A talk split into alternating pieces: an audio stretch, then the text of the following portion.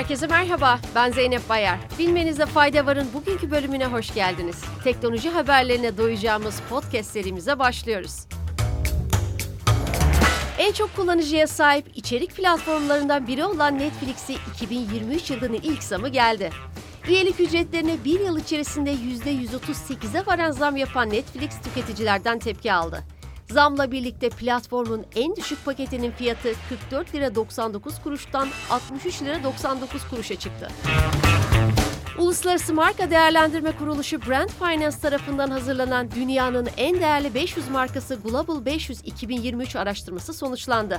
Gelin listenin başındaki şirketleri birlikte inceleyelim. Geçen yıl listenin ilk sırasında yer alan Apple, bu sene tahtını 299,3 milyar dolarlık marka değeriyle Amazon'a kaptırdı. 297,5 milyar dolarlık marka değeriyle ikinci sıraya düşen Apple'ı 281,4 milyar dolarlık marka değeriyle Google takip etti. Sıralama tablosunun en altında yer alan markanın değeri 4,7 milyar dolar olarak kaydedilirken bu değere ulaşamadığı için Türk markaları bu yılda sıralamaya giremedi. Araştırma sonuçlarına göre ülkeler sıralamasında ABD açık ara önde yer aldı. Teknoloji firmalarından ardı ardına gelen işten çıkarma kararına bir yenisi daha eklendi. İngiliz Sky News'un haberine göre ABD'li teknoloji şirketlerinden Microsoft'un çalışanlarının yaklaşık %5'ini işten çıkarmayı planladığı belirtildi. Haberde 220 binden fazla kişiyi istihdam eden Microsoft'un yaklaşık 11 bin kişiyi işten çıkaracağı kaydedildi. Diğer taraftan Bloomberg'un haberine göre konuya yakın kaynaklar Microsoft'un 18 Ocak'ta bazı mühendislik birimlerinde de işten çıkarmaya gideceği belirtildi.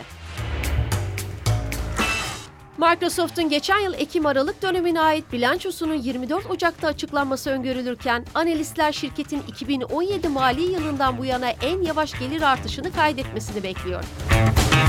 Rusya'nın Federal Anti Tekel Servisi ABD teknoloji devi Apple'a Rusya'nın tekel karşıtı yasasını ihlal ettiği gerekçesiyle 1,17 milyar ruble yani 17 milyon dolardan fazla para cezası verdiğini duyurdu. Verilen para cezasının alışılmadık derecede büyük olması şirketin ülkedeki yıllık gelirine göre hesaplanmış olmasından kaynaklanıyor.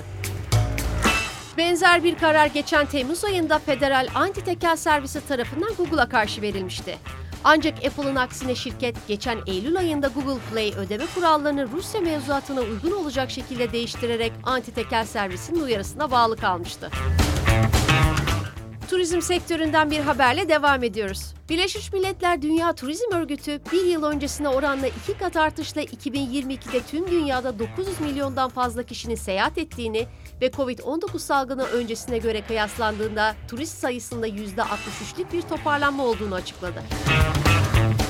Son haberimiz her konuşması gündem yaratan genç iklim aktivisti Greta Thunberg'den geliyor.